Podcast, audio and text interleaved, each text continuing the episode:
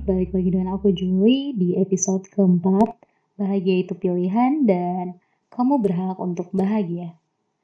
Setiap orang berhak untuk bahagia, terlepas dari semua permasalahannya seperti kegagalannya, masa lalunya, kesehatan, finansial, maupun hubungan asmaranya. Banyak orang yang kelihatan dari luar atau di sosial medianya memang happy-happy saja, baik-baik saja, liburan terus, bahkan party tiap weekend. Memang orang lain terkadang dapat membuat kita tertawa hingga lupa sejenak tentang permasalahan kita. Bahkan dengan pergi traveling, kita merasa lebih rileks, rasa penat dan stres juga hilang sementara. Tapi, sebenarnya itu bukan ukuran untuk kebahagiaan loh. Kecuali orang tersebut memutuskan sendiri bahwa dia pantas untuk berbahagia dan dia memilih untuk berbahagia.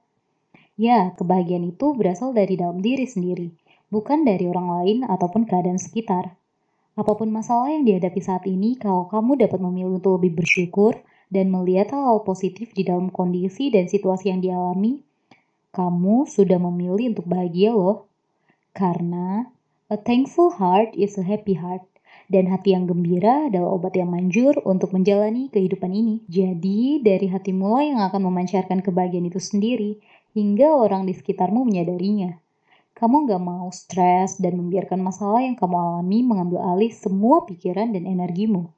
Well, bukan berarti kamu membiarkan masalahnya gitu aja ya tanpa ada resolusi dan usaha untuk menyelesaikannya. Tapi, kamu jadi tenang dalam menyelesaikan masalah tersebut. Bahkan, dalam kondisi yang kamu juga memiliki masalah, kamu masih bisa memberikan support pada orang di sekitarmu yang juga sedang mengalami masalah. Jika kamu sudah pernah mengalaminya, well, congratulations. Sebenarnya, kamu sudah tahu bagaimana cara untuk berbahagia loh. Dan kamu sudah memilih untuk bahagia. Bahkan dapat membantu seseorang untuk merasakannya. Tapi, buat kamu yang masih sering berkata, kok susah ya untuk bahagia? Apalagi karena kamu tinggal sendiri dan terlalu lama berada di rumah karena sedang social distancing. Well, coba deh lakukan hal-hal ini untuk membantumu lebih kuat mendorong diri sendiri untuk bahagia. Yang pertama, tulis apa yang kamu rasakan. Dalam dunia psikologi mengatakan menulis merupakan salah satu metode terbaik untuk terapi. Maka dari itu, cobalah untuk menuangkan semua perasaanmu lewat tulisan. Apa yang sebenarnya kamu inginkan orang lain tahu, apa yang menjadi kekhawatiranmu, dan hal-hal lain yang membuatmu merasa tidak bahagia belakangan ini.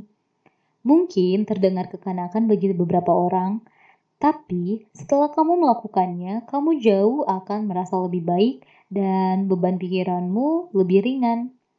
Yang kedua, luangkan waktu untuk berbicara dengan orang terdekat yang peduli denganmu. Karena saat kamu sedang merasa tidak bahagia, yang kamu perlukan sebenarnya hanyalah ketenangan, penerimaan, dan dukungan dari orang lain sehingga kamu merasa dicintai.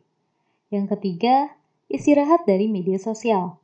Memang media sosial memiliki banyak manfaat, tapi media sosial juga bisa membawa dampak negatif loh.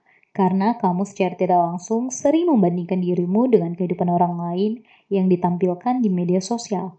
Bukan salah mereka loh menampilkan kehidupan terbaik mereka di media sosialnya. Namanya juga human, mereka hanya akan menampilkan yang terbaik untuk menjadi memori dan kenangan yang indah bagi mereka. Maka dari itu, penting bagimu untuk memilih beristirahat sejenak hingga kamu dapat mengontrol kembali perasaanmu dan membuka media sosial tanpa ada rasa iri ataupun kecenderungan membandingkan kehidupanmu dengan orang-orang yang terhubung denganmu di media sosial. Nah, itu dia yang aku mau share di podcast kali ini. Jika keadaan sedang membuatmu down dan kamu merasa sulit untuk bahagia, ingat ya, bahagia itu pilihan dan kamu berhak untuk bahagia. So, pilihlah selalu untuk bahagia terlepas apa pun masalahmu saat ini. Oke, kalian suka dengan podcast ini? Silahkan follow, subscribe, like, share, dan komen tentang topik-topik lain yang kalian ingin dengarkan. Thank you and see you in the next podcast.